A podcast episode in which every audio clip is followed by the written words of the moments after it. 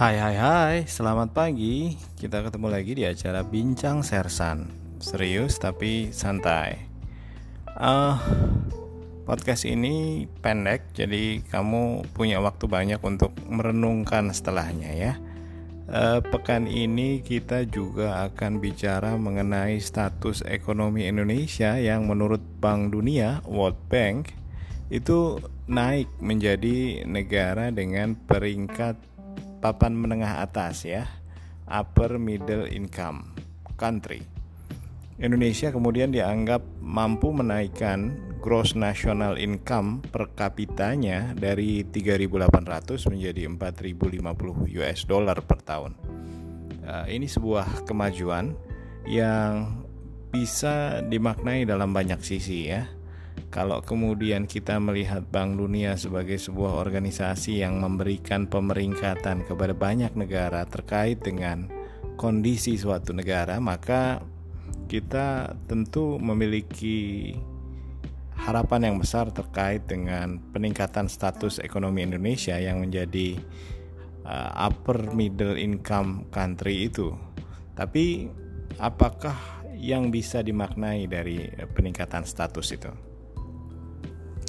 Oke, kita masuk kepada upaya Bank Dunia untuk kemudian memetakan sebuah negara dari seluruh negara di dunia ini eh, ke dalam empat kategori sesungguhnya. Pertama, low income country yang ada di angka sekitar 1000 US dollar. Lalu kemudian middle income country di bagian yang low itu di angka uh, eh, 1300 sampai 4000 Lalu kemudian uh, upper middle income itu yang saat ini posisi Indonesia berada itu di angka 4.000 sampai 12.500 US dollar per tahun hingga kemudian high income country yang uh, nilai gross national income per kapitanya ada di angka di atas 12.500 US dollar ya. Nah, kalau kita lihat sebenarnya Indonesia baru berpindah dari low middle income menjadi high atau upper middle income.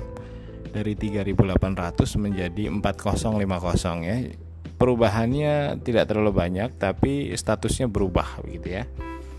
Uh, ukuran-ukuran ini uh, merupakan ukuran-ukuran kalkulatif dalam konteks kuantitatif ya saya harus bilang ke Anda, ukuran-ukuran yang menggunakan pendekatan basis statistika dan kalkulasi dengan menggunakan angka-angka itu sesungguhnya belum bisa juga menjadi representasi dari apa yang sesungguhnya dirasakan, kemudian eh, hal-hal yang terkait aspek kualitatif yang dirasakan oleh publik di suatu negara. Uh, saya mau mengajak Anda untuk kemudian berpikir dalam kerangka apa yang hendak dinarasikan di dalam peningkatan status itu ya. Peringkat dan status itu apa maknanya? Dalam sebuah pembacaan narasi atau mengevaluasi wacana, kita punya tiga posisi. Yang pertama, eh, kita terhegemoni, terdominasi sehingga fully agree, eh, setuju sepenuhnya. Atau kedua kita punya posisi untuk oposisional dalam arti tidak setuju terhadap statement atau wacana yang dibuat. Tapi ada juga opsi ketiga yang kemudian sifatnya adalah negosiasi negosiasional ya. E, sangat bernegosiasi. Jadi kadang suatu statement bisa dinyatakan benar kadang bisa dipandang salah dan itu sangat relatif based on konteks yang melingkupinya saya cuma mau bilang, eh, peningkatan status ini belum mencerminkan realita yang sesungguhnya karena kemudian dalam disclaimernya memang World Bank dalam hal ini Bank Dunia itu tidak menempatkan COVID-19 sebagai faktor real yang aktual. Jadi Bank Dunia melihat historical record. Dia belum melihat proyeksi in the future ya. Uh, situasi di masa masa depan pasca Covid masih belum bisa dibayangkan akan seperti apa. Yang pasti resesi dunia itu sedang diambang kemunculannya.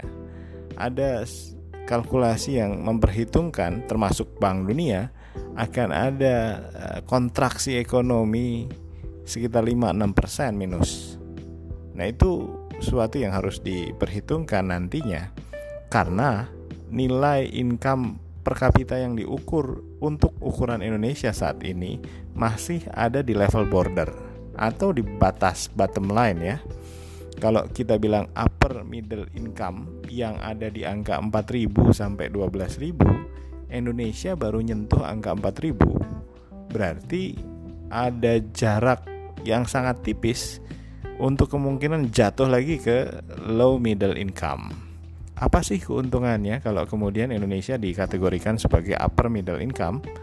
Salah satunya kredibilitas. Kredibilitas ini akan terkait dengan kemampuan untuk membangun relasi ekonomi, hubungan dagang, dan hal-hal yang terkait dengan kebijakan-kebijakan dalam kerangka kerjasama ekonomi. Satu hal yang kemudian juga menjadi faktor uh, tambah atau nilai tambah adalah kemungkinan menjadi kredit point dari kredit rating Indonesia. Jadi ini dikategorikan sebagai alat ukur untuk kemampuan uh, berhutang. Ini juga persoalan ya, karena uh, kapasitas hutang yang jauh lebih besar daripada kemampuan untuk mengembalikan hutang itu akan mempunyai dampak buruk di masa depan. Oke, saya juga mau mengajak Anda kalau kemudian kita lihat ukuran-ukuran yang dibuat secara kuantitatif dan statistik, maka Indonesia juga sempat ditempatkan sebagai negara maju oleh USTR ya. United States Trade Representative yang mengatakan bahwa Indonesia sudah keluar dari negara berkembang menjadi negara maju dengan klaim sepihak bahwa kontribusi Indonesia sudah lebih dari 0,5% kontribusi dunia. Ini harus dicermati baik-baik. Kita tidak bisa berbangga hati dan kemudian bersikap pongah dengan status yang baru. Karena status yang baru itu belum tentu mencerminkan realita yang sesungguhnya dan untuk itu kita sesungguhnya harus punya upaya untuk bisa membuat kredit ratings uh, atau ranking atau status Indonesia itu menjadi keuntungan dengan cara mempersiapkan lebih baik sumber daya manusia. Kenapa penekanannya ada di sumber daya manusia? Karena sumber daya alam sifatnya akan habis, non renewable dan kemudian kapasitasnya terbatas. Yang tidak terbatas adalah sumber daya manusia. Dan untuk itu, upaya-upaya untuk menjadikan manusia Indonesia sebagai makhluk yang berdaya atau yang disebut dengan uh, jalan berdikari berdasarkan konsep yang dibangun oleh the founding fathers itu benar-benar diaktualisasikan dan kali ini saatnya pandemi itu membuka peluang bangsa ini untuk kemudian menguatkan sektor produksinya. Kita selalu dimaknai dengan populasi yang besar dan market yang amat luas karena jumlah populasi yang luar biasa. Tapi kita belum berubah dari posisi konsumsi sebagai konsumen menjadi produsen. Oleh karena itu harus ada upaya serius dari sekedar berubah status tapi juga menjadi kekuatan real untuk mengaktifkan seluruh kekuatan sumber daya manusia yang ada di negara ini untuk bisa memiliki kemampuan bersaing, berkompetisi, dan kemudian memenangkan pertarungan serta keluar dari jebakan negara kelas menengah. Kita berharap dan kita berusaha untuk itu. Mudah-mudahan pemerintah bisa merumuskan jauh lebih detail dan membuat programatik yang lebih spesifik. Terima kasih, selamat pagi.